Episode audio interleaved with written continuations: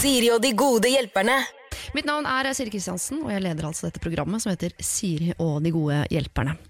Jeg kan ikke påstå å være noe annet enn sånn midt på treet i dag, fordi eh, jeg valgte å feire eh, mine første 40 år eh, på lørdag, altså i går. Eh, altså, det merker jeg, det sitter i ryggen og i huet, eh, og faktisk litt også i eh, beina. Jeg eh, valgte å invitere ikke bare de jeg er venner med nå, men alle som på et eller annet tidspunkt i mitt liv har betydd et eller annet for meg.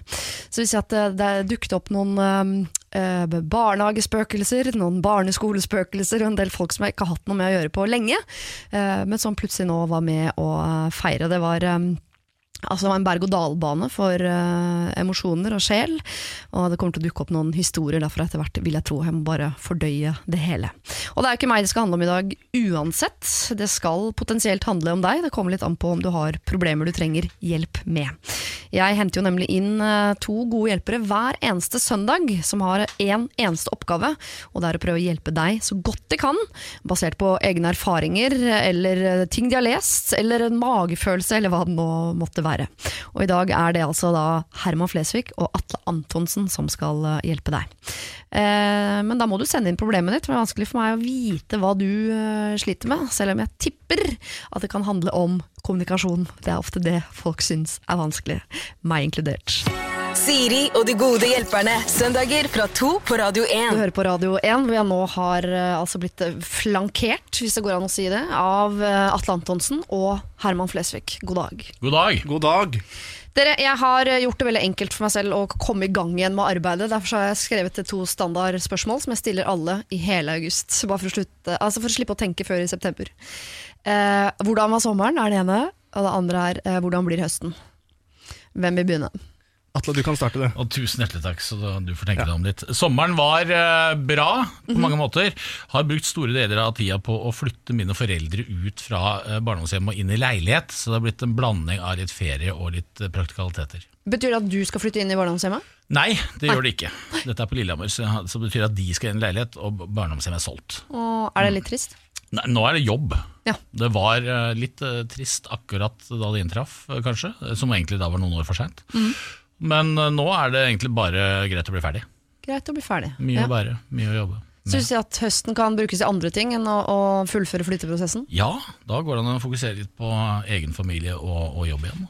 Ja. Er det noe jobbmessig du har lyst til å fortelle oss at du skal gjøre, eller? Alt er hemmelig, alltid. Er det sant? Alltid det. Det er så spennende. Det er Verdens Men er det noe nytt, noe du ikke har prøvd før, liksom? For nå er det jo Nei, eh, nei, det er snart bare ballett igjen, og det blir ikke noe. Det blir ikke ballett. Nei. Nei da, det det er eh, noen kjente, kjære spor på sikt. da. Ja. Men, eh, Litt skriving og litt forskjellig. Mm. Spennende. Ja, Vi får se da. Åssen. Ja. Er det med deg, Herman? Jo, det har vært en fin sommer. Det har vært uh, hæla i taket og tenna i tapeten. God flyt. Mye som har blitt gjort. Eh, det har altså reist overraskende mye. Jeg er ikke sånn spesielt glad i å reise, jeg liker å være hjemme, men nå har det liksom skjedd veldig mye reising. Ja. Vært en del i Voss eh, og hoppet fallskjerm. Oi! Og jeg har begynt med det, og har nå bare tatt helt av. Så nå har jeg tatt 50 hopp den sommeren her, så nå er jeg blakk.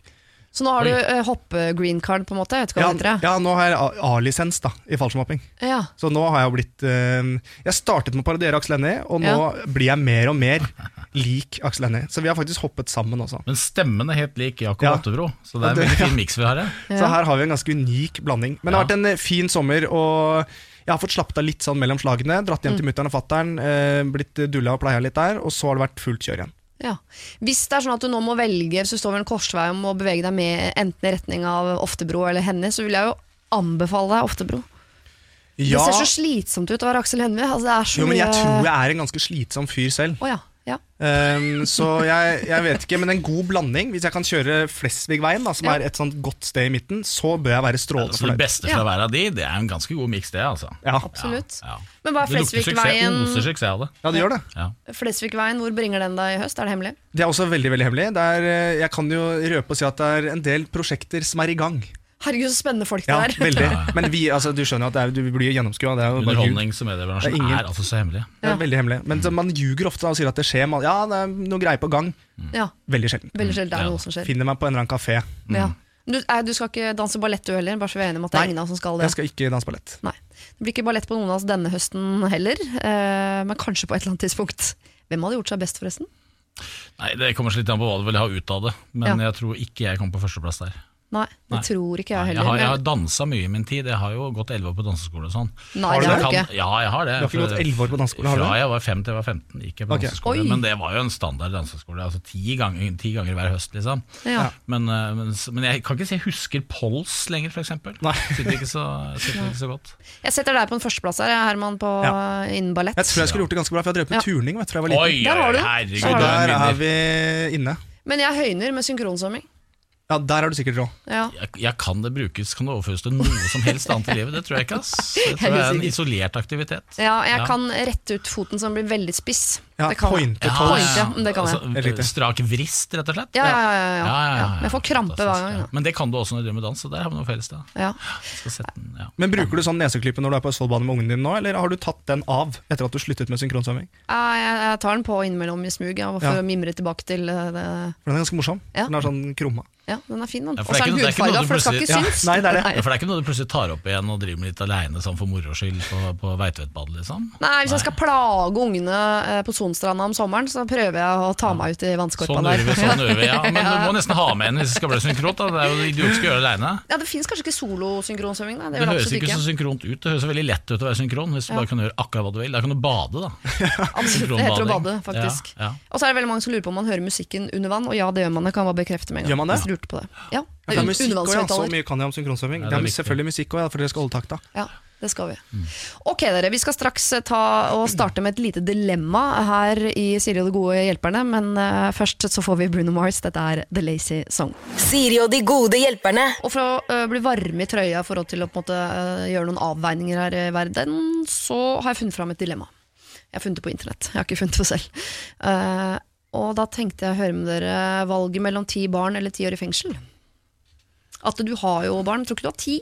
Jeg har ikke ti, men eh, jeg tenker alt etter to det er ingen problem. Altså. Så det, der er ikke noe dilemma. Jeg hadde selvfølgelig kjørt ti barn, helt uten problemer.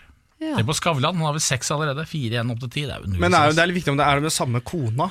For hvis det er eh, ti, så ti forskjellige barn med ti forskjellige koner, da begynner det å bli logistikk. Du skal aldri stille spørsmål ved spørsmålet i dilemmaet. nei, det er veldig sant, faktisk. Jeg burde selvfølgelig bare ha svart og vist at jeg var flink. Jo, men Men Det er fint at du utvider dilemmaet med noen ja. eh, Men jeg har ikke noe, jeg har ikke noe Nei, mer ikke noe- informasjon enn det. Jeg- Du, du burde snakke til deg sjøl, men tenke høyt. det er driver med nå. Og det skal du aldri gjøre på radio. Nei. Jo, jo, jo. Eh, men jo, jeg, jeg tror nok kanskje jeg ville tatt eh, ti barn. Eh, men det er tungt. Altså, jeg har jobbet tre år i småbarnsavdeling, og ti unger på omtrent samme alder. Ja. Da, det er blytungt. Jeg har jobba i barnehage, ja, altså. jeg har det. Så jeg vet at det er mye styr. Ja. Men hvis det er en som er liksom 19 og en på to, så kan jo de Passe Det er, jo, hverandre. det er jo ikke ti stykker på tre år, det tok jeg for gitt at det ikke var spørsmålet. Tre ganger- er tre drilling, ti så er det jo- treåringer, ja. Det er klart. Det, det, da, da kan vi snakke litt igjen. Men hvis det, det pleier å være som du sier fra 3 til 19, Ja. og da, da allerede da så skal de passe på hverandre. Ja. Så for deg som voksen så blir det bare å ha en eller to. De, det er de yngste. Så må alltid, alle, Det er de liksom eldre, alle de er eldre må hele tiden ta seg av de som er yngre. Ja. Jeg syns det høres ut som det ene kan lede til det andre, eh, men da så jeg så for meg eh, ti treåringer. Da tror jeg jeg hadde satt pris på ti år i fengsel eh, fengsel. Ja, Ja. nei, det skjønner jeg. Halden fengsel. og Der har de jo bibliotek og full Der er det ordentlig bra. Har du vært der? Jeg har vært, jeg har vært der ganske mye, faktisk. Nei, jeg har ikke det. Ikke på Halden fengsel, men jeg så en dokumentar om det. Å, ja. Hvor USA var helt sånn ho hoderystende til det opplegget. Har ikke alle fengsler bibliotek, da? Jo, men ikke Halden bibliotek. Ikke Halden bibliotek. De har ikke lydbok i USA. Nei, Det er sant. Ja. Nei, da, eh, men dere går altså for ti barn hver. Ja. Ja, ja, helt klart. Da blir det Men ikke barn. jevngamle, så det er sagt. Ja, det er viktig. Ti barn fra 3 til 19 år går de altså for eh, begge to. Eh, jeg eh, går for ti år i fengsel, men det er mest for dramaturgisk grep. Bare for å, å ja. Du har småbarn nå, du har du ikke det? Ja, minst er seks, jeg vil ikke kalle det ja, småbarn lenger. Da, du vet, min yngste er 19, Ja. så jeg har glemt hvordan det der er. Ja. Så kan, hende jeg ha svart noe annet for ti år siden. Ja, men jeg tar ti år i fengselet, for da får jeg skrevet den boka jeg alltid har eh, planer om å skrive, som jeg aldri får gjort. Men den tar ti år å skrive, altså. Absolutt, det tar ti år. Hva heter den? Hva er tittelen? Ja, Det er en sci-fi-roman. Bra. Jeg vil ikke snakke mer om det. Nei, la det ligge. Jeg vil ikke høre mer om det heller, såpass bra det. Siri og de gode hjelperne. Eh, har dere vært i bryllup i sommer, noen av dere? Nei, det Nei. Ikke noe er, bryllup. på min alder så er det ingen som driver og gifter seg lenger. Folk dør eller blir 50. Ikke min heller, for det er jo så vidt kommet i puberteten. Ikke sant? Mm. Så det Nei. Så det er på hver deres side av det bryllupsgreiene. ja. Da får du bli med meg i et lite bryllup nå som har vært, men vi må i hvert fall sette oss inn i det, for her er det en som skriver. I sommer ble jeg gift, og det i seg selv er heldigvis ikke et problem, men en av gjestene i bryllupet er et. Kall han Tor. Thor er ikke en del av våre nære kjente, men han inviteres som regel når den store gjengen samles. Han har aldri invitert oss på noe særlig, men han inviterer aldri til noen ting som helst, egentlig. Og de gangene han ikke er invitert, er han kjent for å lage en scene. Vi var i tvil om vi skulle invitere han i bryllup, men kom fram til at uh, det ville da som regel uh, være greit, og vi orket ikke noe drama med han. Men det som er greia er at vi ettertid har funnet ut at vi aldri fikk noe gave av denne Thor. Ikke engang et kort eller en forklaring. Og i ettertid har jeg fått høre av andre gjester at han har ropt ut 'Det er fri bar, så nå drikker vi, gutta!' Og da, eh, da han ankom bryllupsfesten. Han forsynte seg for øvrig også ganske godt fra denne baren. I tillegg er vi også blitt fortalt at dette er det tredje bryllupet han er i hvor han ikke har gitt gave, og dette inkluderer et bryllup hvor han selv var forlover. Det irriterer meg bare at han tror han kan gjøre dette helt ubemerket, og det er nå over en måned siden, og vi har ikke hørt noe fra han. Jeg virker kanskje litt smålig, men tanken er på eh, å bli sur om, eh, over å ikke få noe gave Eh, er, altså den har flyttet inn i meg. Og det handler ikke om pengene eller å få en dyr gave, eller noe sånt, det er bare oppmerksomheten. Er Sånn, takk for invitasjon. Er ikke det ganske vanlig? Ja? Han kunne i det meste ha gitt oss et kort eller til lykke eh, eller noe i den gata. Jeg har lekt med tanken på å sende han regning på kuvertprisen. Hva syns dere? Hilsen smålig brud. Jeg, jeg syns i hvert fall at det vekker litt de samme følelsene som hvis du blir snytt. Hvis noen lurer deg. Det, det er det jeg hadde følt med det. Ja. At han egentlig ikke er nødvendigvis noen god venn. Men de, de, jeg fikk ikke helt med meg De ville egentlig ikke ha han der heller, var det sånn? Det er ikke noe særlig glad i en fyren. sånn bare både er litt kjip og litt snyltete og litt smålig og vanskelig generelt. Ja, men han er en del av gjengen, så han pleier å bli invitert ved store lag, på en måte. Så Ja. det ville føles som å ekskludere han ved å ikke invitere, da. Ja, det Og det er jo Men det det går jo an å ta en litt sånn lur løsning på det. At du får noen andre til å si eh, i kompisgjengen til å si sånn Du, skal du ikke gi gave? Alle gir jo gave. Istedenfor at man konfronterer selv. For det er veldig sånn Hvorfor fikk jeg ikke gave av deg? Det er pinlig. Ja, det må han ta i det Ja. neste bryllup, føler jeg. Ikke Ja. sitt eget. Men hvem er det pinlig for å ta den konfrontasjonen? Er det pinlig for Thor, eller for den smålige brunnen? Er det ikke Jeg mest tror ikke pinlig han for Tor, egentlig? ja, men Tror du han eier så mye skam? da? Jeg tror ikke han, har så mye Når du roper. 'fri bar' eh, tidlig på kvelden, så Ja. eier du ikke så mye skam. Nei, Jeg tror han har funnet en vei ut av det for lenge siden jeg, og svelget skammen. Så nei, Han tror jeg, men altså, han syns sikkert det er litt pinlig, der, men jeg tror han har svaret klart. Hva tror du han svarer? Nei, jeg vet ikke hva han svarer. Men, eh, for jeg, jeg har ingen sånne venner, og, og vil ikke ha det heller. Nei. Og jeg inviterer ikke folk for syns skyld. Eh, Det, det prøver jeg, prøver ikke å gjøre. Altså. Nei, Der er jeg delt her på hva jeg syns er eh, riktig, om man skulle ha invitert Thor eller ikke. Jeg liker jo at man gjør det, at man er, at man Ja, er litt sånn raus på det, selv om han er lyst. dust. Jo, Ja. men hvis, det er, altså, hvis han trenger omsorg på en måte, Ja. så, så kan det jo være hyggelig gjort at det er sånn Ja, vi må jo ta han med, for han er jo så aleine, og hvis det er litt sånne ting. Ja. Så, men da er, det, da er han litt så stakkarslig, så da får det være greit det med gavene. Så da ser du jo bort fra de tingene der, føler jeg. Men er det ingen av dere som tenker at det kunne vært litt deilig å konfrontere nettopp? Fordi dette er noe han tydeligvis driver med gjentatte ganger og slipper unna hver gang. Det vært deilig hvis noen endelig bare sa sånn Du, Tor. Nå stopper vi her. Jo, jo. Skjerp deg, nå må du begynne å gi gaver i bryllup. Helt åpenbart, syns jeg. Eh, Det hadde jeg jo gjort selv. Ja. Hvis det hadde vært noen av mine venner som ikke ville være med på Det er jo ofte ganske vanlig å spleise på gave, f.eks. Hvis han ikke vil være med på det. Han må jo komme, i hvert fall komme opp i en situasjon hvor han må svare for seg. Men da ikke den gangen jeg inviterte til mitt eget bryllup. Men den Nei, for Du kan ikke gang. si det i ditt eget bryllup, føler jeg. Du kan si hvis de skal i et annet bryllup at uh, skal vi spleise på gave, eller du må gi ja. gave. Hva skal du gi? Ja, hva skal du gi? Den er fin. Ja, så skal, uh, Sitt eget bryllup nå, det skal hun på en måte bare gi opp. Men Dette er de skal i. Det er ja, kjørt, du kan ikke konfrontere i etterkant. på Det, det er for seint nå. Hvorfor det? Ja, det- Hva skal, hva skal vi få ut av det? Eh, Bare uh, irritere han fordi han er en irriterende fyr. Det er jo en Ja, gave i seg sjøl. da, da må det gå veien som du sa, at det er noen venner som sier fra. i Ja, noen fall. venner som sier fra. Ja. Eller bare si sånn, og da kan man også være veldig pedagogisk og si sånn Jeg har tenkt til å gi sølvskje.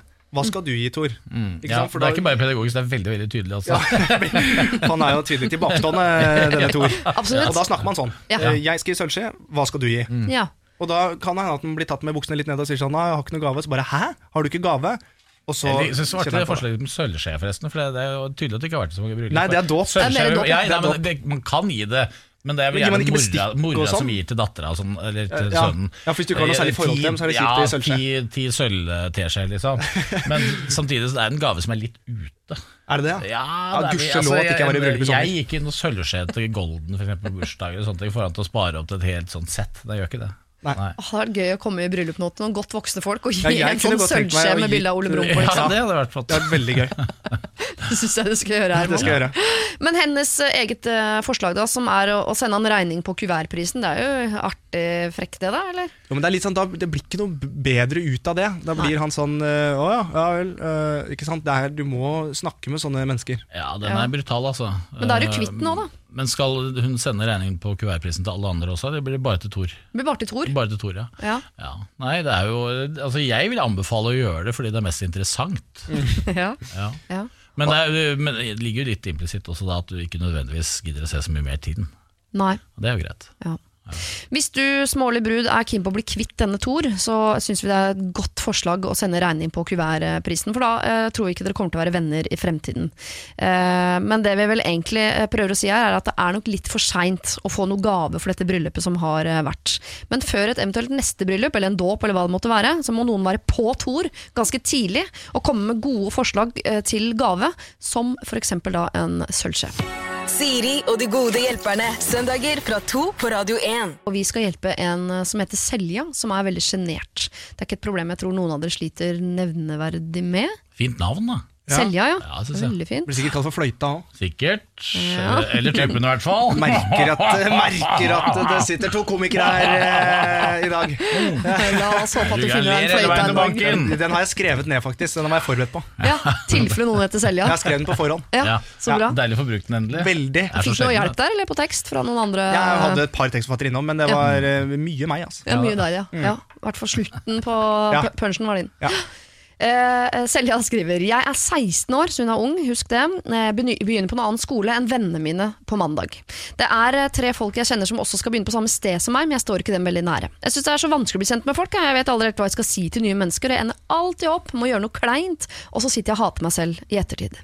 I løpet av ungdomsskolen så klarte jeg ikke å få en eneste god venn i klassen min. Og det er ikke det at jeg ikke er hyggelig mot folk, jeg smiler og prøver å være imøtekommende. Og jeg klarer å ha litt smalltalk om ting når jeg må, men det stopper der. Jeg syns det er vanskelig å åpne meg for folk, by på meg sjøl, og jeg er alltid den som snakker minst og lytter mest til samtaler. Jeg føler at det er bare noen få gode venner som vet hvor morsom, kul og interessant jeg egentlig er. Jeg orker ikke tanken på tre år hvor jeg føler meg som en loner i klassen. Jeg lurer derfor på om dere har noen tips til hvordan jeg kan bli bedre til å snakke med andre mennesker. Hilsen da sjenerte Selja.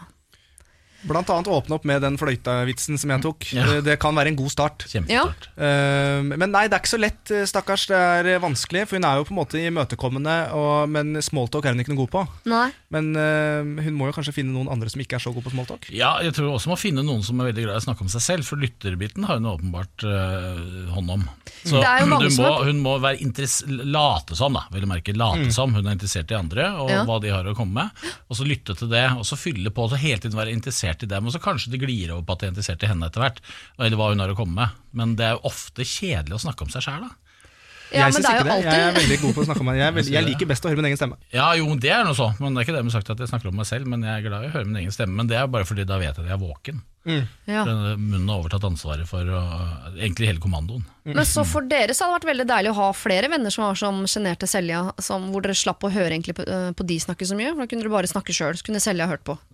Ja, Helt ærlig så er jeg ikke helt, det er ikke helt riktig, altså. Det er greit å få litt uh, tilbakemelding òg. Jeg er forbausende, jeg er ikke noe god på sosiale settinger selv, jeg er i og for seg. Nei. Men jeg er jo god til å, å kamuflere det. men, det er ikke det. men de aller fleste jeg kjenner, som også gjorde i min bransje, har en sjenanse i seg, selvfølgelig. Så det, det, det, man orker jo ikke. Altså, når jeg er 50, så gidder du ikke ha nye venner. Nei. Da er det kjørt. Når det er 40, gidder du ikke heller. Nei. Så på et eller annet tidspunkt så er det jo fullt, så det å bli kjent med nye mennesker er jo ofte litt kjedelig. Med mindre de er helt fantastisk kule, så er det alltid plass til én og annen, men det er, ikke, men det er fullt egentlig fra før. Ja. En annen bekjent. Ikke ja, en venn, men en bekjent. er greit, liksom. Ja. Jo, men ofte hvis en bekjent skal inn som venn, så må en venn ut på bekjent igjen. Har jeg erfart. Jo, eh, altså Dette er jo forskjellige perioder i livet. da Når du har småbarn, og sånn, så er jo alle ut. Da, Ja. da har, du, har du ikke tid til noen lenger. Bare en og annen, kanskje et selskap, en fest to ganger i året. Ellers er det helt tomt. Men bortsett fra de som har jevngamle barn med dine. Da kan du plutselig Da faker man et vennskap i noen år. Ja, du knytter kontakt med noen som du ikke har så mye kontakt med, men bare fordi barna er like gamle. ikke sant? Ja, Ja. Så faker du jo når de er på fotballaget. Altså, du må finner alltid de folka rundt som du går an å snakke best med. Ja. Av sånn foreldre på skolen og sånne ting. da Men Det er jo sa ikke det vi snakker om. Eh, Nei, men dere sa noe om at selv i denne bransjen så er det jo mange folk som er sjenerte. Man er bare flink til å kamuflere det. Kanskje det er der det ligger noen konkrete tips på hvordan Selja kan kamuflere at hun er så innmari sjenert? Ja, hun må drikke. Det er jo det eneste som funker. Litt vanskelig når du er 16, eh, kanskje. Eh, Var hun 16, ja? Fikk ikke Ja, med meg det. det Det er ikke vanskelig å drikke når du Det er er ikke 16. Jeg drakk masse da jeg var 16. Det var ikke det er vanskelig i det hele tatt. Det ble og greier. Ja, ja, men Det funker jo veldig fint. Men en annen ting som kan være greit, men da virker man interessert, er hvis f.eks. for eksempel noen sier sånn Ja, nei, nå har jeg vært og klippet gress, klipp gressplen, ja. Du bare gjentar noen av de ordene som Ja. de sier. Da Ja. tenker de sånn Jøsse navn for et oppegående menneske. Han er jo virkelig interessert i hva Ja, jeg sier. Eller så tenker du jøss, var det så interessant, da? Det. Gressplen, jøss, han er jo pervers fyr. Han liker jo gress. Hva er gærent med han? Men kan man også, eh, altså hvis man først biter seg merke i akkurat det der med gressplen, at man passer på å bringe det opp neste gang man møtes? Og sånn, Fikk du klippet en gressplen, eller eh, Ja, vi- har det vokst? folk, mange folk er flinke på å huske sånne ting. Ja. Det fungerer dårlig sammen med rus, f.eks. Da. Ja. da husker du ingenting av det. Da er det bare akkurat i det sekundet du står der at det går bra, og etterpå går det til helvete igjen. Og hvis du er opp med notatblokka der, så virker man mer gæren enn interessert. Ja. Selvfølgelig. Aldri ta opp notatblokka. Bare det å kjenne igjen folk er jo nesten Ja. umulig. Begynne å tegne det Vite hvor du har vært den også, hvis det virkelig har vært på en snurr. Ja. Men jeg synes, uh, en ting hun skriver er hvor hun, uh, fikk seg ingen eh, nære venner i løpet av ungdomsskolen, og er nå skeptisk til om hun klarer det i løpet av da, uh, videregående. Men hun må jo ikke ta med seg den dårlige erfaringen og tenke at ah, typisk meg, nå får jeg ikke med, antageligvis får jeg ikke noen venner her. Men man starter på blanke ark, og man er ofte litt eldre også. Ja. Ikke mye, men et år, da. Det kan hende at det er noen som ikke kjenner deg fra før. Ikke sant? Det er jo en kjempemulighet til Ja. å starte med, he, på helt nytt. Ja. Men hvem skal hun gå for? Andre som er sjenerte og lavmælte, eller folk som liker å snakke og trenger en lytter? Men hun sier jo også her bare for at hun har noen nære venner som hun føler vet hvor kul hun er.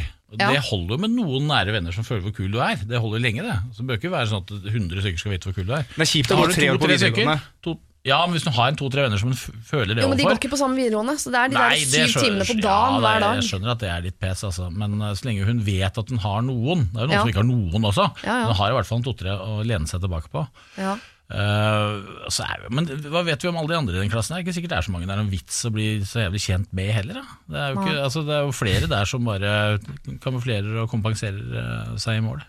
Jeg lurer på om vi skal si det til deg sjenerte Selje, at kanskje det kan være greit å tenke på at det er helt sikkert flere i klassen som er sjenerte og syns det er vanskelig. Det er kanskje noen som er flinkere til å kamuflere det enn andre. Ja. Men kanskje det kan være litt lett hvis du tenker på at nå er vi en gjeng her hvor mange av oss antageligvis syns at dette er litt grann vanskelig. Så kanskje det er så dumt å være en av de som lytter i starten. Og sjenanse, det varer alltid lengst. Siri og de gode hjelperne. Søndager fra to på Radio 1. Og vi skal altså inn i en halvtime som jeg har valgt å kalle flyttehalvtimen. Vi skal ha to problemer på rad som handler om uh, flytting. For det er veldig mange nå som driver og flytter enten hjemmefra eller må flytte hjem igjen fordi du uh, dreit deg ut på skolen i fjor. eller et eller annet. Det er mye flytting. Og du driver jo faktisk også og flytter selv, Atle, Jeg har master i flytting nå om dagen, ja. Mm. Du flytta altså dine foreldre ut av barndomshjemmet. Flyttet og kastet. Har tømt rett og slett fire etasjer og et stabbur i to etasjer og to garasjer. Det, oh, blir, det, det er mye sterkt. Men det er deilig. Det er deilig å kvitte seg med ting. Ja, ja Og altså utrolig hvor er mye deilig. dritt som samles. Ja. Ja. Oh, jeg er Men det- veldig flink til å kaste ting. ja, kaste ting er helt, jeg synes er helt suverent. Jeg er helt enig. Ja. Eh, Så lenge man får ikke dra med seg ting i det nye hjemmet. Ja. Her eh, handler det nok ikke om å kaste ting, med mindre det er eh, å kaste selvrespekt over bord, eller hva det måtte være. Fordi eh, Petter han eh, skal ta seg et jobbår, og må i det året da eh, antageligvis flytte hjem. Han skriver Jeg tar et jobbår for å spare penger til en utdannelse som koster litt, for å si det mildt. Jeg har fått jobb i nærheten av mine foreldre, og de har under tvil sagt at det er ok om jeg flytter hjem dette ene året. De har laget mange regler som de har sendt meg på mail, hvor de vil at jeg skal skrive under, og det er greit, i og med at jeg ikke skal betale noen ting. Men eh, noen av punktene på deres endeløste liste er at jeg må godta all oppførsel de har lagt til seg etter at jeg flyttet ut for noen år siden. Og av eksempler så skriver de annet gå nakne dersom de vil. Aldri låse dører, kanskje ikke engang lukke dem. Lage den lyden de vil, og med blunkefjes. Eh, Jeg vet ikke hva de mener her, men eh, har jeg noe jeg skulle ha sagt i det hele tatt? Petter, som vurderer å bli uteligger.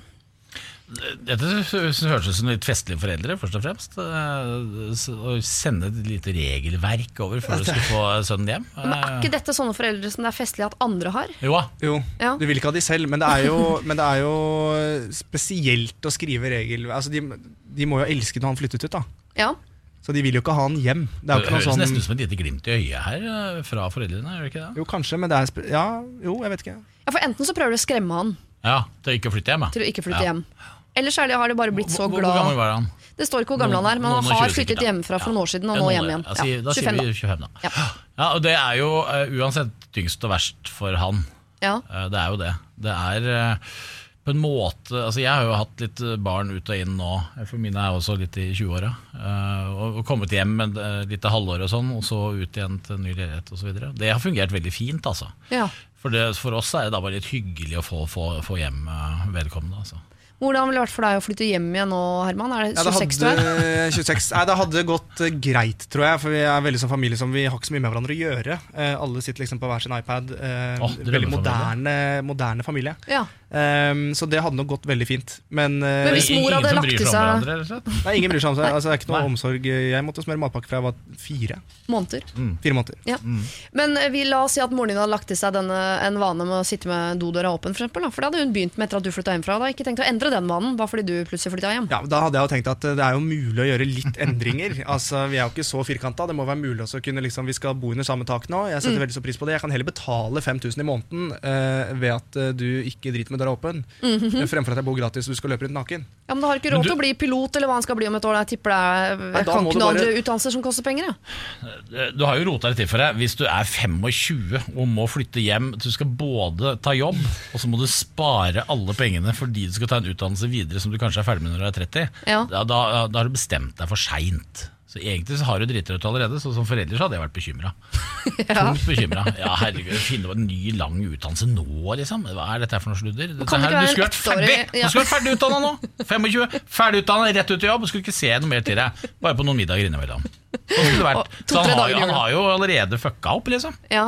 Og hvordan snu dette? Jeg tror ikke det er mulig. Nei, så da må man kanskje bare ta til takke med da, at mor og far lager lyder om natta og har dørene åpne. Ja, han, han, eh, han har aller skyld, mener jeg. Ja. Når han nå må ty til det skritt.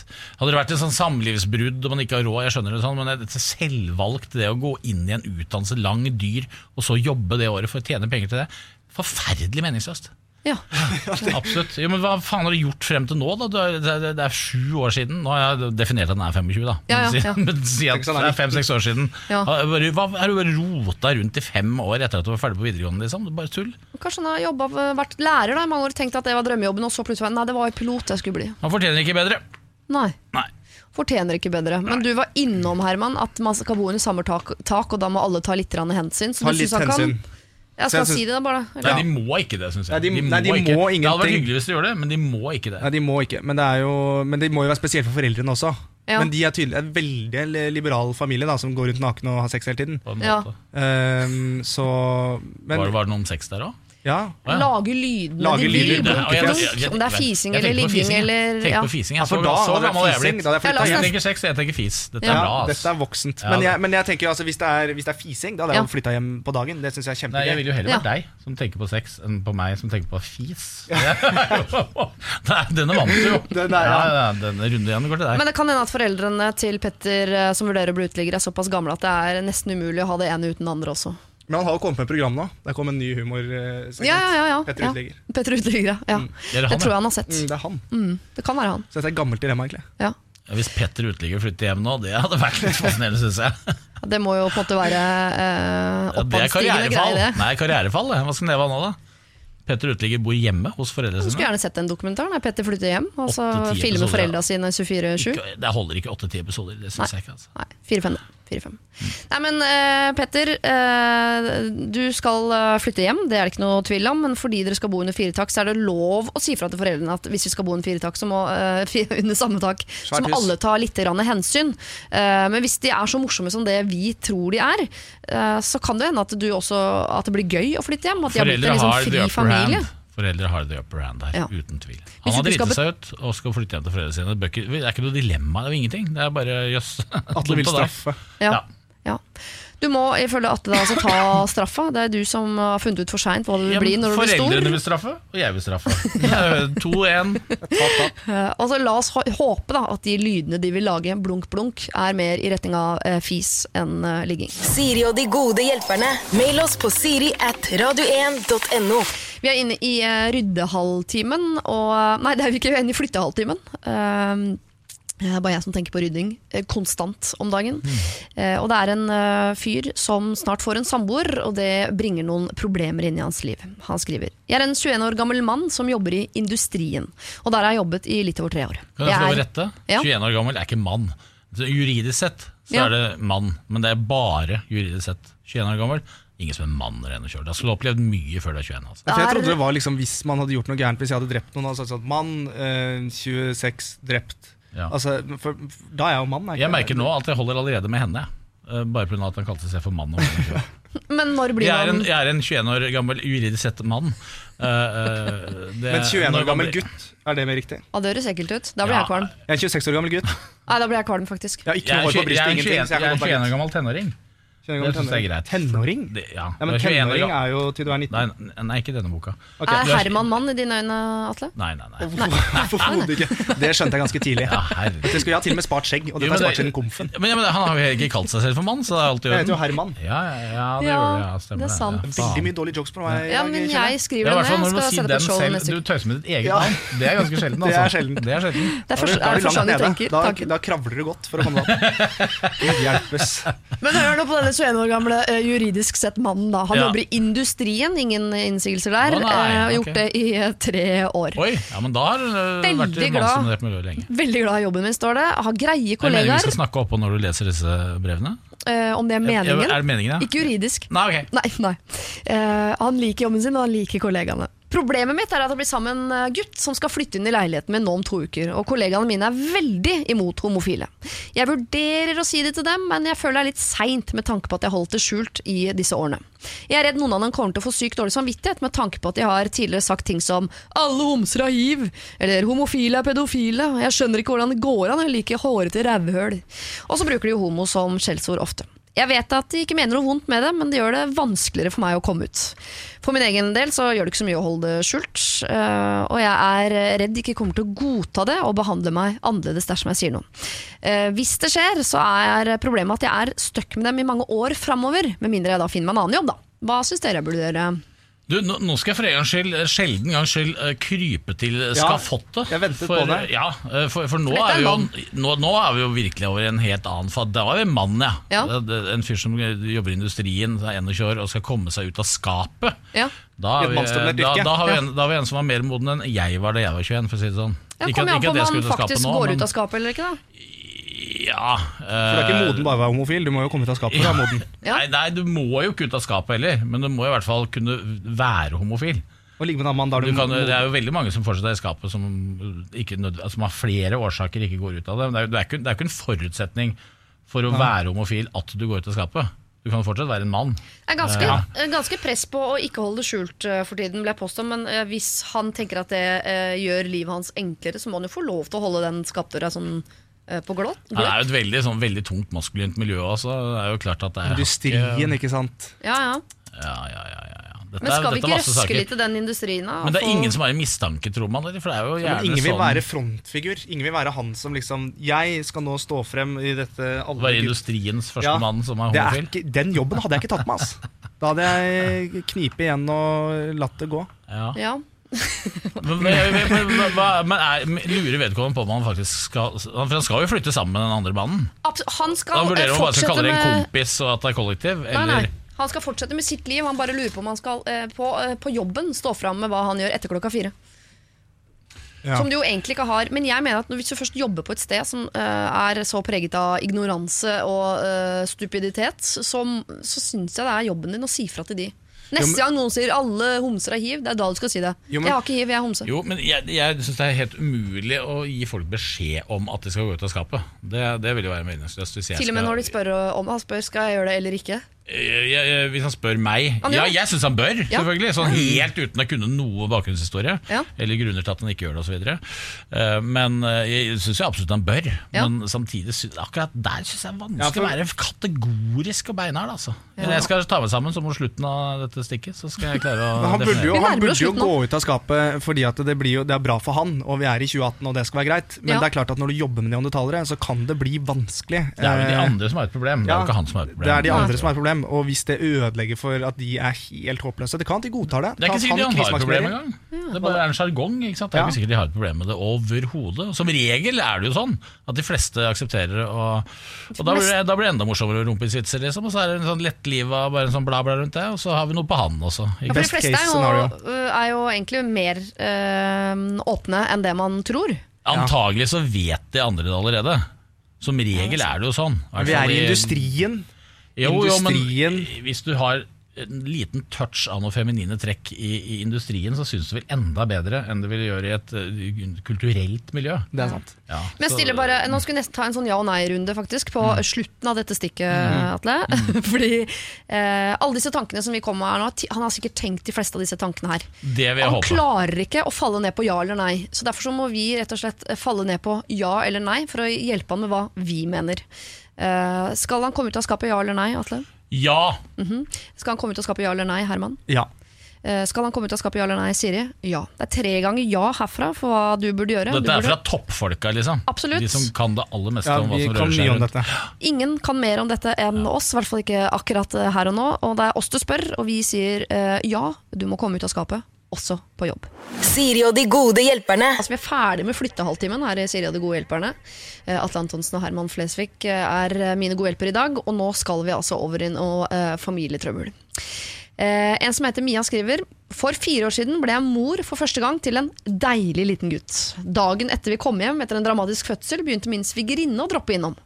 Uanmeldt hver eneste gang, og verken jeg eller min mann har noe særlig tett forhold til henne. Og hun hadde før dette kanskje vært hjemme hos oss én eller to ganger. Hun er veldig voldsom, stormer inn døra uten å ringe på og sliter babyen ut av armene mine uansett om han sover eller vil eh, ligge og kose på sofaen. 'Kom til favorittanta di!' roper hun hver eneste gang. Og hun eh, kommenterte alt jeg gjorde med babyen, og hvert eneste besøk endte med at jeg satt igjen og gråt etter at hun hadde gått. Hun insisterte på å mate han hver gang han var sulten, og gi en flaske, og hun tok ikke et nei for et nei, og eh, kom med mye dårlig råd hele veien. Etter hvert la jeg henne fullstendig for hat, og jeg nektet å være med på bursdager og sånn hvis svigerinnen min skulle være der. Jeg kjente at det kokte inni meg bare jeg så henne. I dag, Nå har det gått noen år, da, og i dag har vi et helt greit forhold uten for mye kontakt. Eh, Hun sluttet å vise interesse for min sønn da han var ca. to år, og ble litt mer gutt og litt mindre baby. Nå om fire uker så venter jeg en liten jente, og svigerinnen min har allerede begynt å snakke om hvor mye hun gleder seg til ny baby i hus.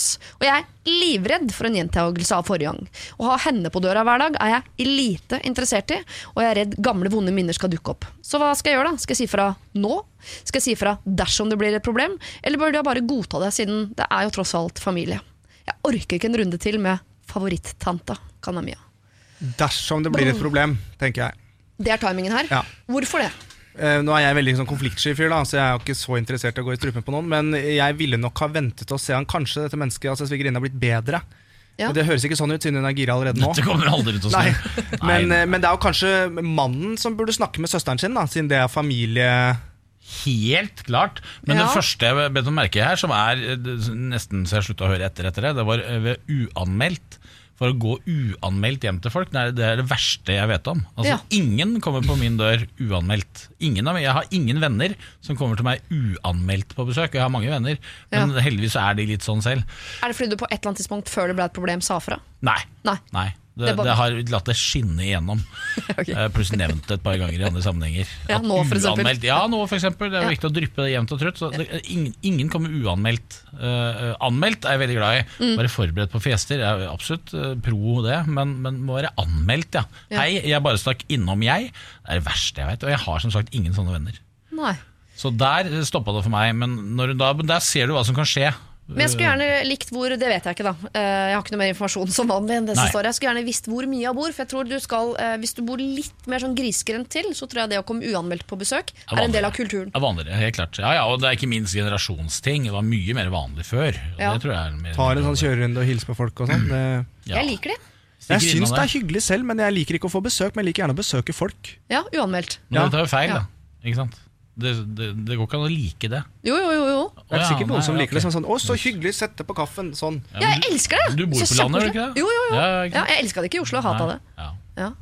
Jeg tok av lyden på ringeklokka. ja. Men eh, nok om oss, egentlig. Ja, Men om oss. Mia vil jo da eh, forhindre et problem. Og Herman, du mener at hun skal vente til det er et problem? Tilfelle hun hun har muligheten her Ja. til å dodge hele greia? Det kan hende at hun har roa seg, og så ville jeg tatt en snakk med mannen min og sagt at du, det er din søster, si at dette her går ikke. Hun sier jo ingenting her om hun har snakka med mannen sin om det. Det er jo den naturligste ting av verden å gjøre. Det har jo ingen betydning om det er for nær familie, han dette her. Nei. Hvis hun er sammen med han og det er et problem for henne, så burde hun snakka med han for lenge siden, og han skulle rydde opp i det. Det er han som skal rydde opp i dette her. Tror du ikke han tenker sånn dere kvinner får bare snakke dere imellom? Jo, han tenker sånn fordi hun ikke har sagt fra Ja. om at sånn er det ikke. Nei. Så hun må jo si fra til han, selvfølgelig, og få han til å ta, stramme opp for et forferdelig menneske som kommer på besøk. Det er jo det verste jeg har hørt. Ja. Grusomt.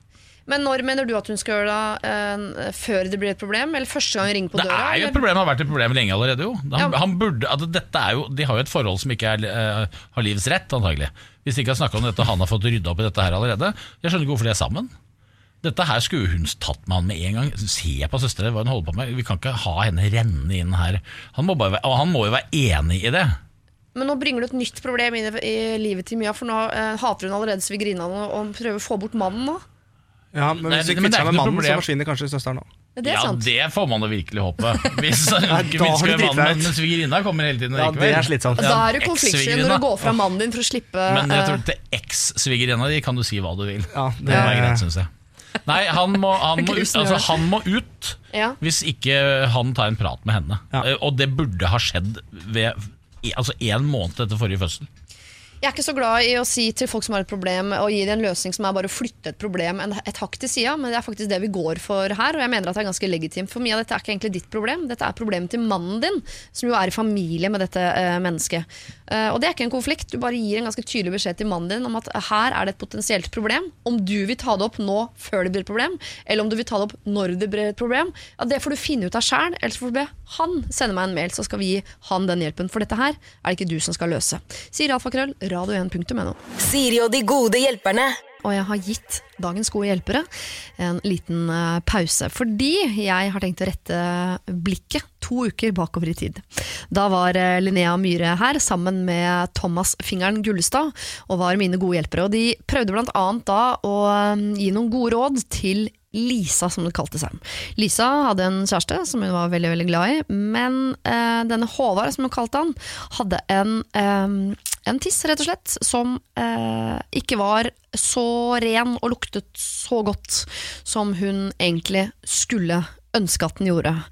Eh, og det var ganske Jeg syns det er kleint bare å snakke om det her. Og tanke på å skulle sitte overfor min kjæreste og fortelle han dette. Altså Jeg forstår så godt at Lisa syns at nettopp det var uh, vanskelig. Så uh, heldigvis at Linnea og Fingeren var her og kunne hjelpe meg med nettopp å hjelpe Lisa. Du skal få høre et lite utdrag fra hva de mente var det riktig å gjøre. Jeg må si, jeg syns dette er litt vanskelig. Altså, jeg, men det er bare fordi at den konfrontasjonen er så vond. da Som å bare liksom si at noen lukter vondt. Eller sånn. Det er på en måte så sårbart, eller hva skal jeg si. Og særlig i Jo. underlivet. Hun Thomas, må bare ta en tante Sofie og bare sette han på gulvet, binde han fast og vaske tissen hans.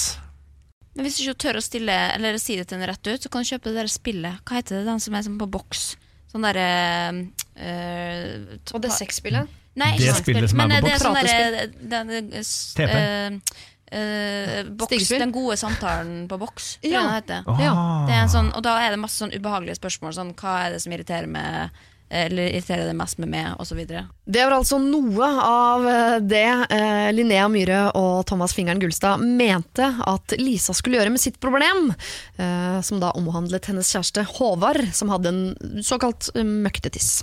Siden den gang, dette er jo to uker siden, så har jeg fått to mail fra Lisa. Først skrev hun Tusen takk for at dere tok opp problemet mitt. Jeg løp på butikken og kjøpte inn eh, spillet dere rådet om, i tillegg til to flasker rødvin og Asan for menn. På lørdag skal vi reise på hytta, og der blir det forhåpentligvis både spilling og oppkvinning og avtaging av silkehansker før jeg forteller stakkars Håvard om hans møkkete tiss. Hjelpes, jeg dauer, men jeg skal klare det. Ønsk meg lykke til! Jeg sender dere en ny oppdatering etter det. Dette var altså lørdag som eh, var, og nå har vi fått en oppdatering til, for her står det. Hei igjen. Takk igjen for at dere hjalp meg med problemet mitt med møkkete Håvard. Jeg fulgte deres råd om å kjøpe det der spillet, og vi dro på hytta, spilte spillet, og jeg fant faktisk et rom der jeg kunne fortelle han at av og til så smaker det litt grann rart når jeg går ned på deg, som selvfølgelig var en underdrivelse, men hallo, jeg er konfliktsky. Han fikk helt bakoversveis. Han ble sjokkert før han gikk rett i forsvarsposisjon. Han begynte å eh, greie ut om at han hadde såpeallergi og derfor hadde brukt en salve som smakte rart, men at han egentlig var en veldig renslig fyr. Når kvelden var eh, omme, ville han ikke ligge. Ikke dagen etter heller, og han virka sur resten av hytteturen. Nå sitter jeg her med to tanker. Både det at jeg er blitt sammen med en surpomp som ikke tåler kritikk, og det at jeg egentlig syns synd på han. Når vi kom hjem, ble det ligging, og da var han 100% ren! Men jeg tror dessverre ikke at forholdet kommer til å vare spesielt mye lenger, da hele fyren begynner å irritere meg. Men jeg føler at jeg har vært sykt tøff som turte å si ifra, til tross for at reaksjonen hans ikke ble helt som jeg hadde sett for meg. Takk for at dere hjalp meg til å gjøre nettopp det. Stor klem fra Lisa. Åh, tenk at møkkete Håvard skulle bli antageligvis en møkkete eks. Det var jo ikke meningen, Lisa.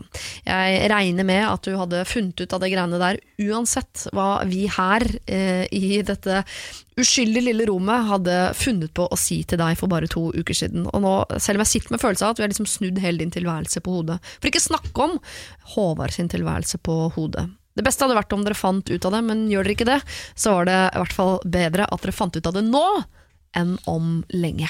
Siri og de gode hjelperne. Ina Wroldsen fikk vi der, 'Strongest', eh, altså en av fem låter er det vel jeg er oppe i nå totalt, som jeg eh, gråter av eh, hvis jeg selv er med og synger. Og det er ikke fordi jeg synger så fint, jeg gråter ikke av min egen stemme, men da føler jeg at jeg er en del av låta og blir oh, ja. altså så beveget at jeg begynner å gråte. Jeg trodde du gråt fordi du ødela låta ved å synge med. Ja, Ina Wroldsen hadde grått hvis hun hørte meg synge til låta Ja, av ok, den men grunnen. Du gråter ikke selv. Igjen klarer jeg å ikke, ikke ødelegge en veldig bra låt.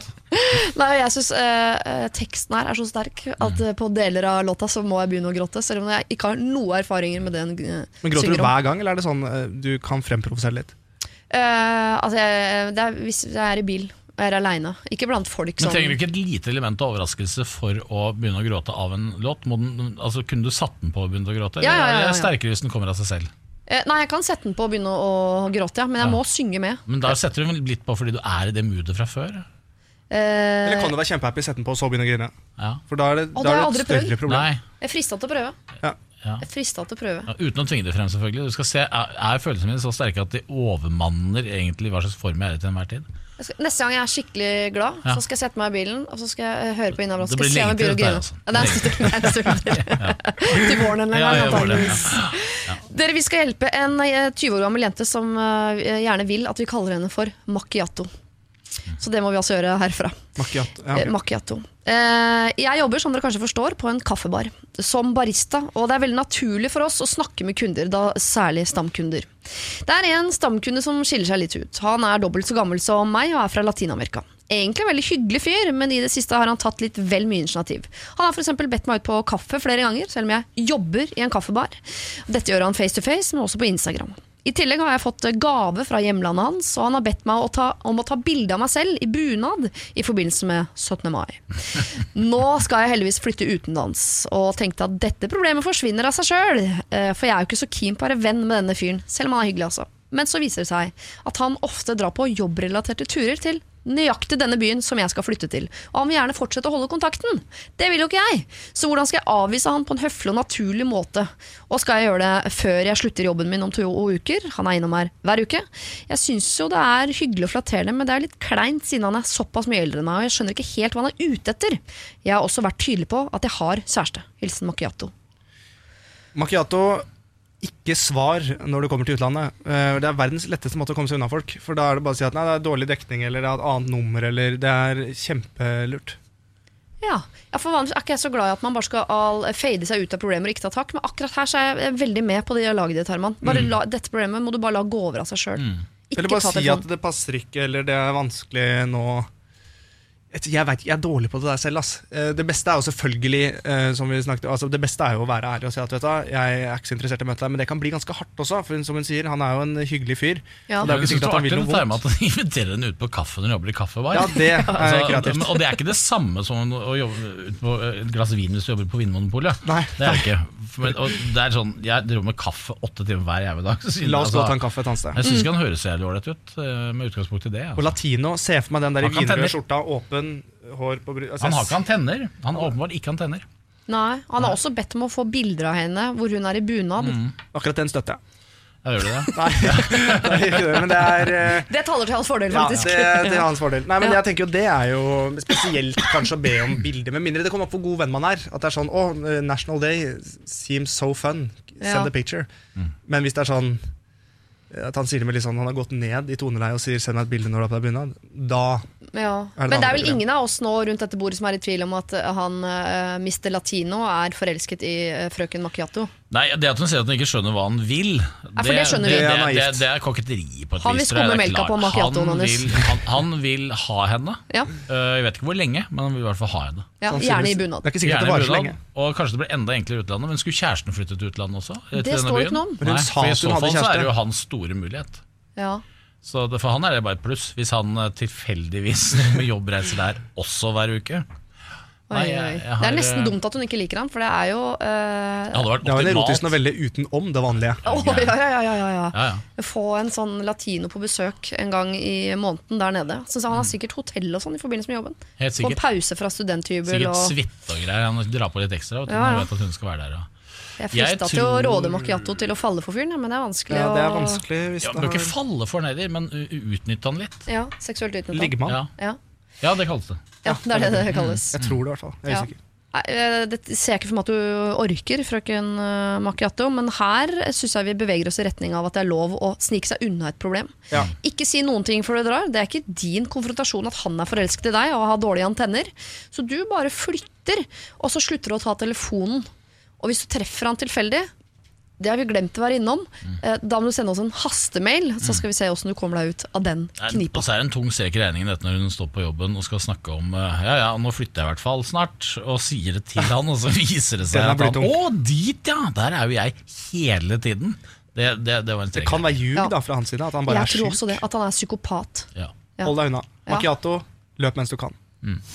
Siri og de gode hjelperne. Søndager fra to på Radio 1.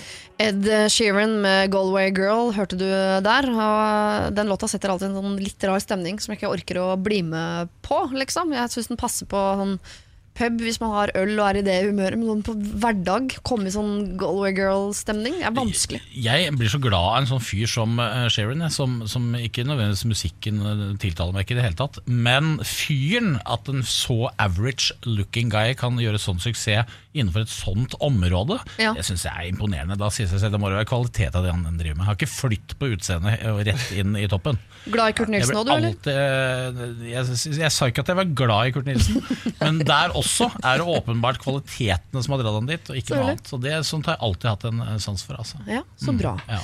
Eh, Ed Sheeran uh, har jo fått seg kjæreste òg, det syns jeg er veldig hyggelig. Kanskje har hatt det en stund, når jeg tenker meg om. Hvem er dette? Du vet ikke hvem Ed Sheeran er? Jo, jo, jo, jo, men hvem er Jo, men hvem er kjæresten? Kjæresten? og det vet jeg. jeg tror er, eh, det er, Vet du ikke dette? Galway Girl. Vet du hvem det er? Er det en kjent dame? Nei, Nei, så Nei, jeg vet det ikke. er veldig spennende å se hvordan hun så ut. Tre voksne mennesker snakker om ting de ikke har kunnskap om. Jeg på beklager veldig er at jeg dro opp at vi skulle snakke, absolutt snakke om Ed Sheeran. Merker du at nå er jeg ferdig så for lenge siden. Ja, ja. ja, det var det var jeg, slitsomt vi tok det opp. Tenkte bare å herregud, skal Nei, det snakke var mer bare om det? jeg som skulle snakke om han. Og etter det skulle vi ikke snakke mer om han. Jesus Christ, skal vi bli kjærester? Altså, helt håpløst. Ok, men Vi skal holde oss innen uh, musikken, uh, musikkens verden. Fordi uh, en som heter eh, Andreas, har vært på festival. Og i kjølvannet av denne festivalen så har det dukket opp noe veldig veldig hyggelig, men som også eh, anses som problematisk. Jeg er en mann på 27. Eh, dere kan kalle meg Andreas. Det har seg sånn at jeg jobber på en Mann på 27, altså rent juridisk, jeg reagerer. Der Nei, jeg jeg, jeg, jeg det. skal ikke gå i den fella en gang til.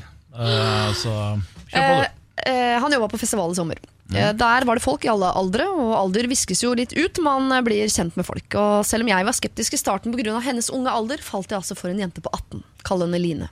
Hun går siste året på videregående nå, og det har vært litt vanskelig for meg. eh, Og jeg har lett for å dømme meg selv. Hun er tross alt et voksent menneske, og jeg vet at jeg ikke skal bry meg om hva andre tenker eh, om det vi deler oss imellom. Vi har det utrolig fint, og hun har allerede møtt min familie, og jeg har fortalt om henne til min nærmeste familie. Eh, fra dem får jeg utelukkende støtte. Utfordringen min er hva jeg skal si til folk som ikke står meg så nære. Jeg har begynt å studere igjen, er midt i fadderuka nå og møter masse nye mennesker. Og hvis det kommer opp at jeg har fått meg kjæreste, og folk stiller spørsmål om henne, som hvor gammel hun er, eller hva hun gjør, skal jeg da være ærlig, eller skal jeg lyve? Jeg er en person som alltid er ærlig og har vanskeligheter for å lyve, men i denne situasjonen er jeg redd for hva eh, folk som ikke kjenner meg, skal dømme meg ut fra. Eh, jeg, uh, jeg burde vel grow some balls og si det som det er, med fare for å bli dømt som en gammel gris. Skal, eller skal jeg bare lyve på henne et par år og svare unnvikende? Jeg gleder meg til å høre hva dere tenker, skriver han. Først har jeg lyst til å si at 27 år og gammel gris, det hører ikke sammen. Da, da, da, må du, da måtte hun vært yngre. Uh, det er ikke mulig å være gammel gris når du er 27 år. Selv om det selvfølgelig kan være et visst sprang mellom 18 og 27. Men Det jeg har kan være lyst- gris, da. Eh, Gris kan det være. Ja. Men jeg har lyst til å si her at dette dilemmaet kjenner jeg igjen. Ikke fra meg selv, men fra en, en, en jeg kjenner, som har blitt sammen med en betraktelig yngre dame. Ja. Og han er veldig opptatt av det, i den forstand at han er veldig redd for akkurat det han her, sier. At han skal bli dømt. Han snakker nesten ikke om noe annet. Og det er altså så grenseløst kjedelig å sitte og høre på. eh, Ja. At det viktigste eh, vedkommende her kan gjøre, er å gi helt F og snakke om noe annet enn det. Men driter Og ikke folk i det? forberede Jo, jeg driter i hvert fall i det. Alle, alle jeg kjenner sitter rundt bordet og hører om det, driter i det. Men han driter så lite i hvordan det kan bli oppfatta der ute, Ja. at det er et kjempeproblem for hele gjengen at han tror at det skal være et kjempeproblem. Det letteste for dere da og dette er da hver gang det dukker opp et nytt menneske som ikke vet om det, Ja. og uh, hunden skal da komme i uh, gjengen senere, så er det akkurat ny runde med akkurat det samme for å forberede vedkommende på at nå kommer en sammen med en ganske ung kjæreste, bla, bla, bla, bla. Masse styr rundt det. Ja. Grusomt kjedelig. Eh, Kupper hele tematikken og holder på å føle seg føler seg litt beklemt gjennom da resten av kvelden. Men har hun da da, da får du enten, enten ikke være sammen med henne, eller så får han bare drite i det. Ja, men Dere skulle vært tidligere ute og latt som om dere dømte det nord og ned, sånn at han ikke hadde turt. Så hadde dere vært kvitt, kvitt problemet for lenge siden. Jeg kan godt hende. Men har, er hun på. ferdig med rustida? For det er litt viktig, for det er kjipt og så Det er kjedelig. Blir russ nå? Ja, Ja, da hvis hun er 18, så er vel antageligvis rustida foran henne og ikke bak. Ja, Han kan fordi- være sjåfør på bussen, da. Ja, det tenkte jeg Det er derfor hun er sammen. Han må hente henne på Tryvann. Det står pikk i panna hennes. Hun har hatt det- veldig hyggelig. Det, da er det ikke greit. Vet. du. Det er ikke greit. Vi er voksne mennesker. Jeg, jeg er også like gammel, 26. Nå er jeg en veldig veldig reflektert ung mann. Ja. Eh, så for meg har det vært helt uhørt. Eh, dessuten så liker jeg bare eldre damer. Men det er jo klart at uh, Det er klart at det, er, det kan bli utfordring hvis hun skal være russ. Ja. Men, Skikkelakke, det, det som ofte er problemet, er jo at det, er jo, det går greit så når bare de to er sammen. Eh, og så er det klart Han kan føle det belastende overfor sine venner. Jeg skjønner ikke helt at 27 og 18 skal være så inn i helvete stort problem. Men eh, det er jo når du møter vennene hennes, at du på en måte oppdager litt hvor ungen faktisk er. Ofte. Ja. Eller motsatt, da hvis det hadde vært øh, samme mann. Jo, men det er også Det kan hvis han og brysomt, gutta for da blir hun plutselig tenåring. Det er ikke vinkveld, det er breezer race. Ja. Altså det er Ja, chugge det. altså, Da er dukker noe de tinga opp som man, kan være så voksen man vil når de to er sammen. Liksom. Da kan Mm. du virke jevngamle, sånn, men så kommer liksom alle vennene, og så er det veldig vondt. Og så må, og så må du i tillegg være sammen med hennes, hennes venner på 18. Ja, for det er vanskelig, men grusomt. han, det som er positivt uh, i denne For jeg vil også si at det er vanskelig for en på 27 å henge med 18-åringer enn 18-åringer å, å henge med folk på 27. Det tror jeg er men er han er midt i fadderuka, akkurat begynt å studere igjen, så han er jo vant til å ha masse Ja. I hvert fall 20-åringer rundt Ja. seg på alle kanter. Da. Så han vil antakeligvis være ganske god på å blende inn i et yngre miljø enn han Ja, for det, vanligvis er- det, er er i. vel, det er vel hos kompisene hans at pro- han mener problemet er, da, eller folk han kjenner eh, som er jevnaldrende han selv. Ja, sitter, hva gjør man når man er 26 år med gutta? Liksom? Er dere Jeg over vil i ikke gå i sånn detalj, men uh, sa han og sprakk i stemmen. Ja, men eh, jeg, jeg tror nei, Hva man gjør når man er med gutta, det er vel eh, Sitter vel og spiller Fifa. Vi er jo fortsatt barn. ja. Um, men så kan vi også ha Jeg merker jo nå da at det har blitt mer og mer av de sånn vinkveld Altså setter oss ned, tar en pil, snakker litt sånn alvorlig. Ja. Det, er, det blir døllere. Når Liliane uh, ramler inn da med pikk i panna i russedress, liksom, så er det er jo litt Men det er noe sjarmerende med det også. Eh, Ja, men, ja, men, Men- det er hvis du kan kvitte deg med problemet i løpet av et minutt. det er veldig sant. ja. Jeg tror nok at det kan bli Eller det er litt, det er litt spesielt. Og det hjelper ikke at han sier at eh, hun er veldig voksen for alderen. Nei.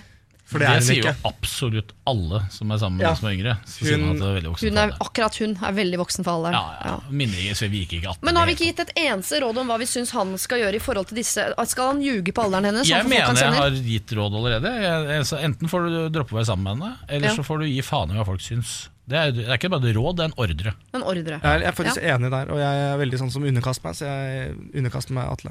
Og jeg, og jeg er enig. Ja. Da, du trenger ikke å underkaste deg hvis du er enig. skjønner du. Nei, kanskje ikke. Nei. Alle er enige her. Du må, uh, som du sier, du må uh, grow some balls. Si det som det er. Uh, Og ikke snakk så mye om det! Nei, det er så kjedelig å høre på! Og det er ingen som spør det er hvor bare gamle du som er opptatt av det. Ja. Ja.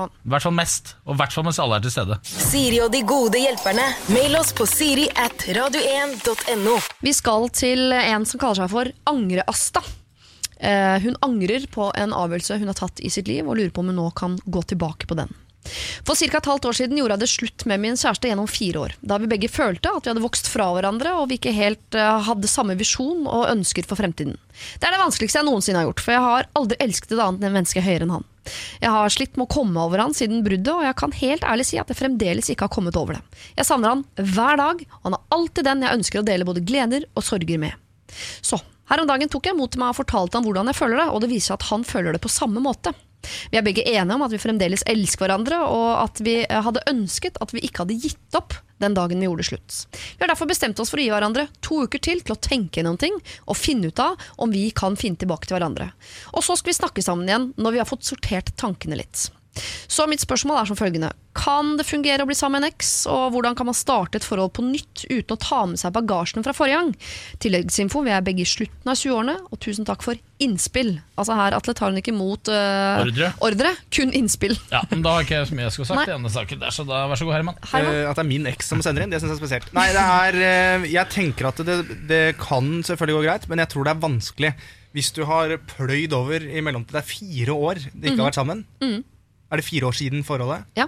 Nei, vent da. Nei, vi var kjærester i fire år. og eh, det har gått et halvt år. Nei, bare et halvt år er det Ja. Ja, ingenting. men det er fortsatt Det er pause, pløyd det. over. Feid over masse folk. Ja. Mm. Um, nei, men altså, det kan, eh, det kan gå greit, uh, men jeg tror helt jeg tror ikke helt på det. For det er en grunn til at det er slutt i utgangspunktet. Ja, men det Men fikk, hva vi er aldri, det fikk vi vanskeligst? aldri vite. For absolutt alt hun forteller om dette forholdet, høres jo ganske optimalt ut. Jo, de følte at de hadde vokst fra hverandre og Ja, men hadde de har jo samme tydeligvis visjoner ikke- og ønsker for framtiden. Ja, det var da. Du er ikke Ja. veldig mye mer voksen etter et halvt år. Nei, men det er noen ganger at man tenker på avstand før du ser Ja, da skal det skje. Da skal mange dø.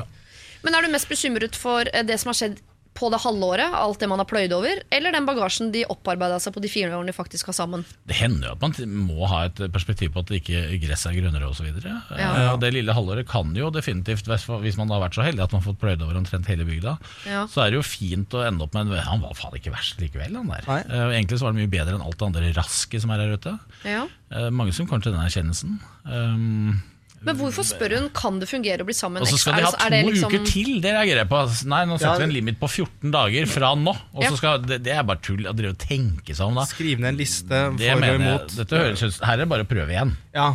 For hvis Ja. man er keen på det, altså hvis man har lyst på det mennesket, så må man jo bare prøve. Det har ikke noe tape å kaste seg ut i det. Sitte 14 dager og tenke og tenke. Du kommer jo ikke noe lenger i tankegangen. Men bare ikke kringkaste på Facebook, for det er pinlig at du har fjernet statusen, og så er den opp igjen, Ja. og så er det av igjen. Gi det, Ja. gi det et par dager, ja. Ja. Ja, for det er vel bedre å gi hverandre en to ukers prøveperiode sammen enn hver for seg? Ja, den det to tenker jeg. fordi- hver for seg skal, hvorfor skal du ha et halvt år pluss to uker? Det skjønner jeg ikke noe særlig. Ja. Ja, bare fordi da har hun sagt det, og så er han helt enig, og så skal de fortsatt ha to uker. Det er en Ja, det kjempetabbe. Ja. Det, er to, det er to kjempelange, kjedelige uker. Møtes om to uker, da, så har vi tenkt oss om.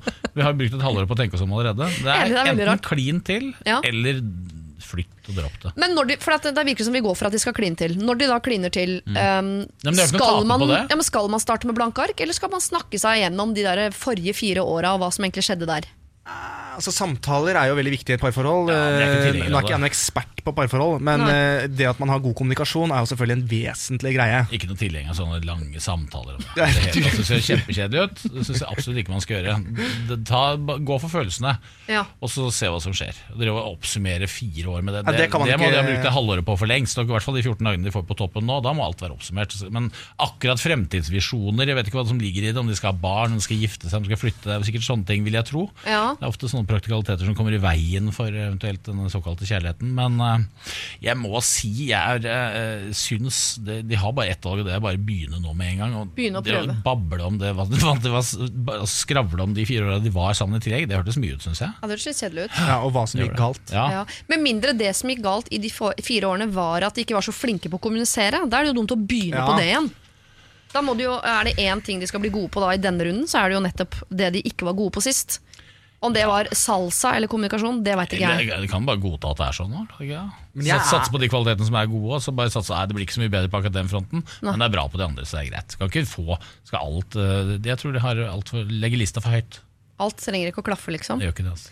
Men de må kunne uh, tenne på hverandre. Det Ja. vil det jo tro, og det høres jo ut som de gjør det. Ja. Det, jo, altså, det vi ramsa opp her nå, var jo bare ting som man man må være til stede i et godt forhold. Da. Men det er jo allikevel litt sånn der skummelt med at man skal tilbake, for det er jo en grunn til at det har gått uh, dårlig. Man, altså, man slår ikke opp med noen i affekt. Altså Noen gjør selvfølgelig det, men det er jo ofte noe man har tenkt gjennom en stund. Ja. Og hvis man tenker at det, ah, der er det mye negative ting, du setter opp en eh, plans and cons-liste, og nå skal vi, dette funker ikke, det funker, osv. Og, så videre. og så skal det, hvorfor skal det funke igjen nå? Jeg vet ikke. Et halvt år etterpå. Ja, ofte gjør du jo ikke det. ikke sant? Det er derfor hun er skeptisk. Da var det litt kanskje som. Atle sa, at man trenger kanskje å se litt at det er tror det er grønnere gress på andre siden, og så er det mye rusk og rask. Ja. Jeg var Jeg så tror bare- skeptisk disse 14 dagene. ja. Det er de 14 dagene vi har har med det er problemer med. skeptisk til. alle, vi syns alle at de der to ukene er litt eh, rare. Ja, fordi Hvis de virkelig hadde savna hverandre, så hadde de ikke klart å være borte fra hverandre de to ukene. Jeg, jeg tenker sånn, Hvis jeg hadde gått rundt og tenkt på en mann i et halvt år, og så viser jeg at han har gått og tenkt meg det samme halvåret, og Mm. så møtes vi, og så klarer vi å være rolig nok til sånn Ok, kult, ses om to uker. Ja, det, Jeg det, tror jeg hadde spist det han høres opp på Karl Johan. Ja. Ja, det er spesielt. usunt ut. Jeg er helt enig. Så jeg ville, jeg, jeg ville i hvert fall sjekka det, Asta, om eh, hvordan Jeg Det er ikke det at dere skal tenne på hverandre. Jeg bare, eh, selv hadde jeg en eh, kjæreste i veldig mange år, og så tok vi en ganske god pause. Og så tenkte jeg at nei, vet du hva, jeg, tror, jeg lurer på om det er eh, oss to. Fordi da hadde man fått den tiden bort fra hverandre og savna liksom det livet og sånn. Og så møttes vi, så merka jeg sånn Idet han tok på meg, så frøs jeg til is. Jeg, or, jeg, orker, jeg, jeg, kan, jeg kan ikke kline med deg eller ligge med deg. Det ble, helt, det ble bare Da, rart. du gikk bare for den enkleste løsningen. Du tenkte at ja, ja, det er praktisk hvis det kunne funka med oss. Jo, Hun savna jo det livet, Ja, liksom. Du det. Idet han Det er tok på meg, så ble jeg, ble fysisk uvel, liksom. Ja, så å sjekke. da er hadde du tenkt deg bort fra det som var utgangspunktet. Og Det er det de 14 dagene kan ødelegge for, eller bidra til. Men jeg er fortsatt veldig skeptisk. Ja.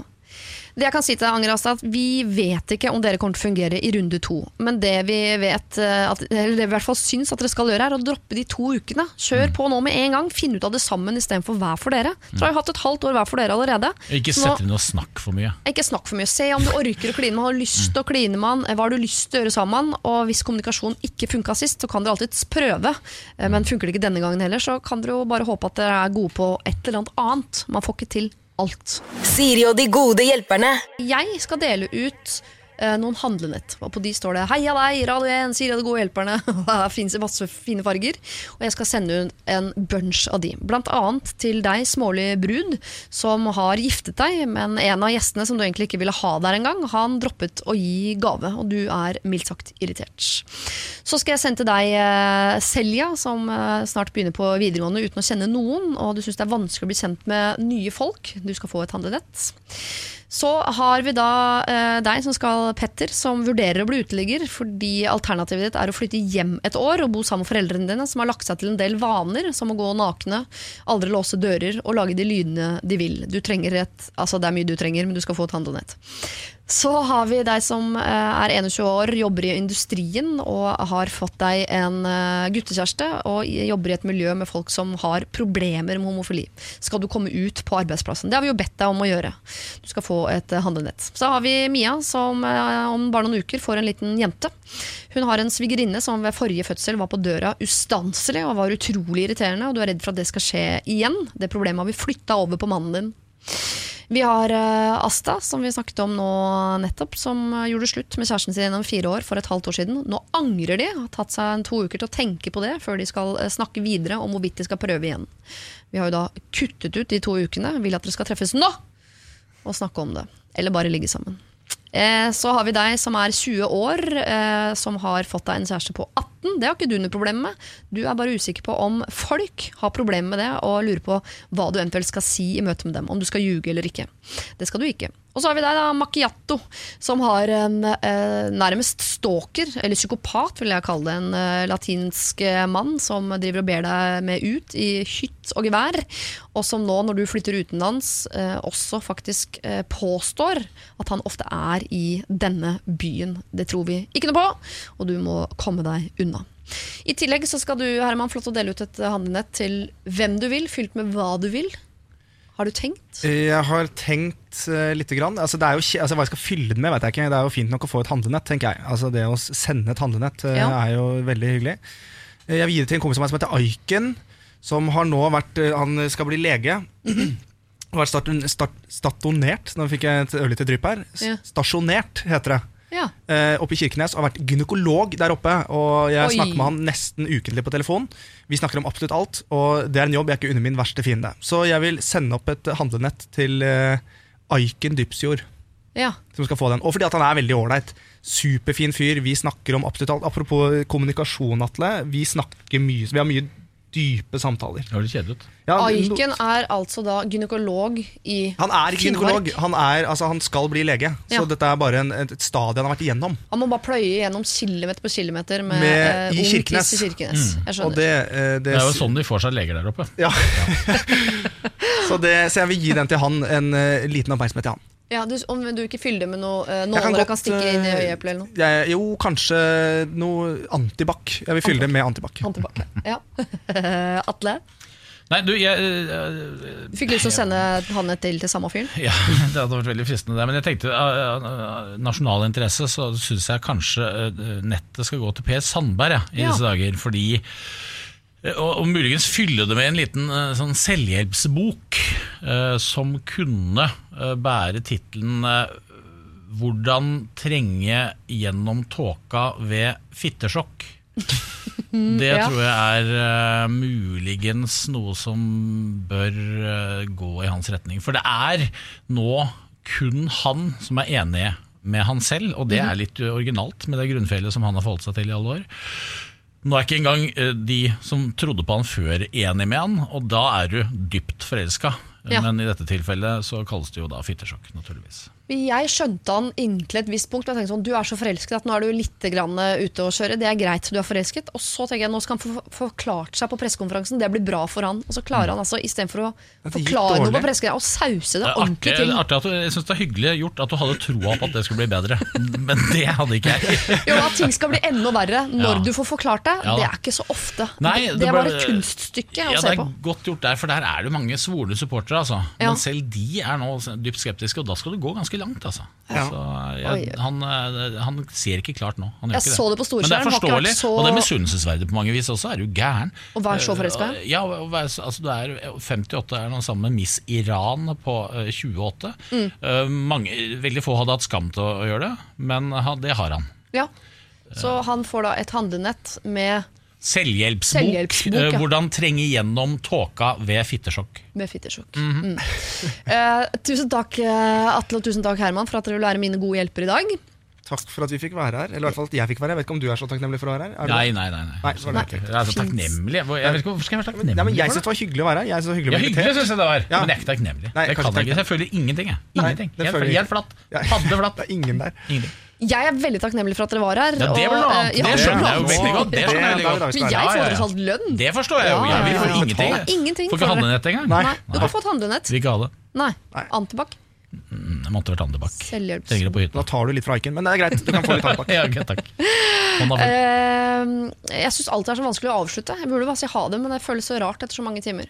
Nå ljuger du. Nei, det er sant. det går ganske greit. Jeg har gått alt, så Men jeg syns det det. Jeg det var lett, jeg. Ha det. Ha det. Ha det.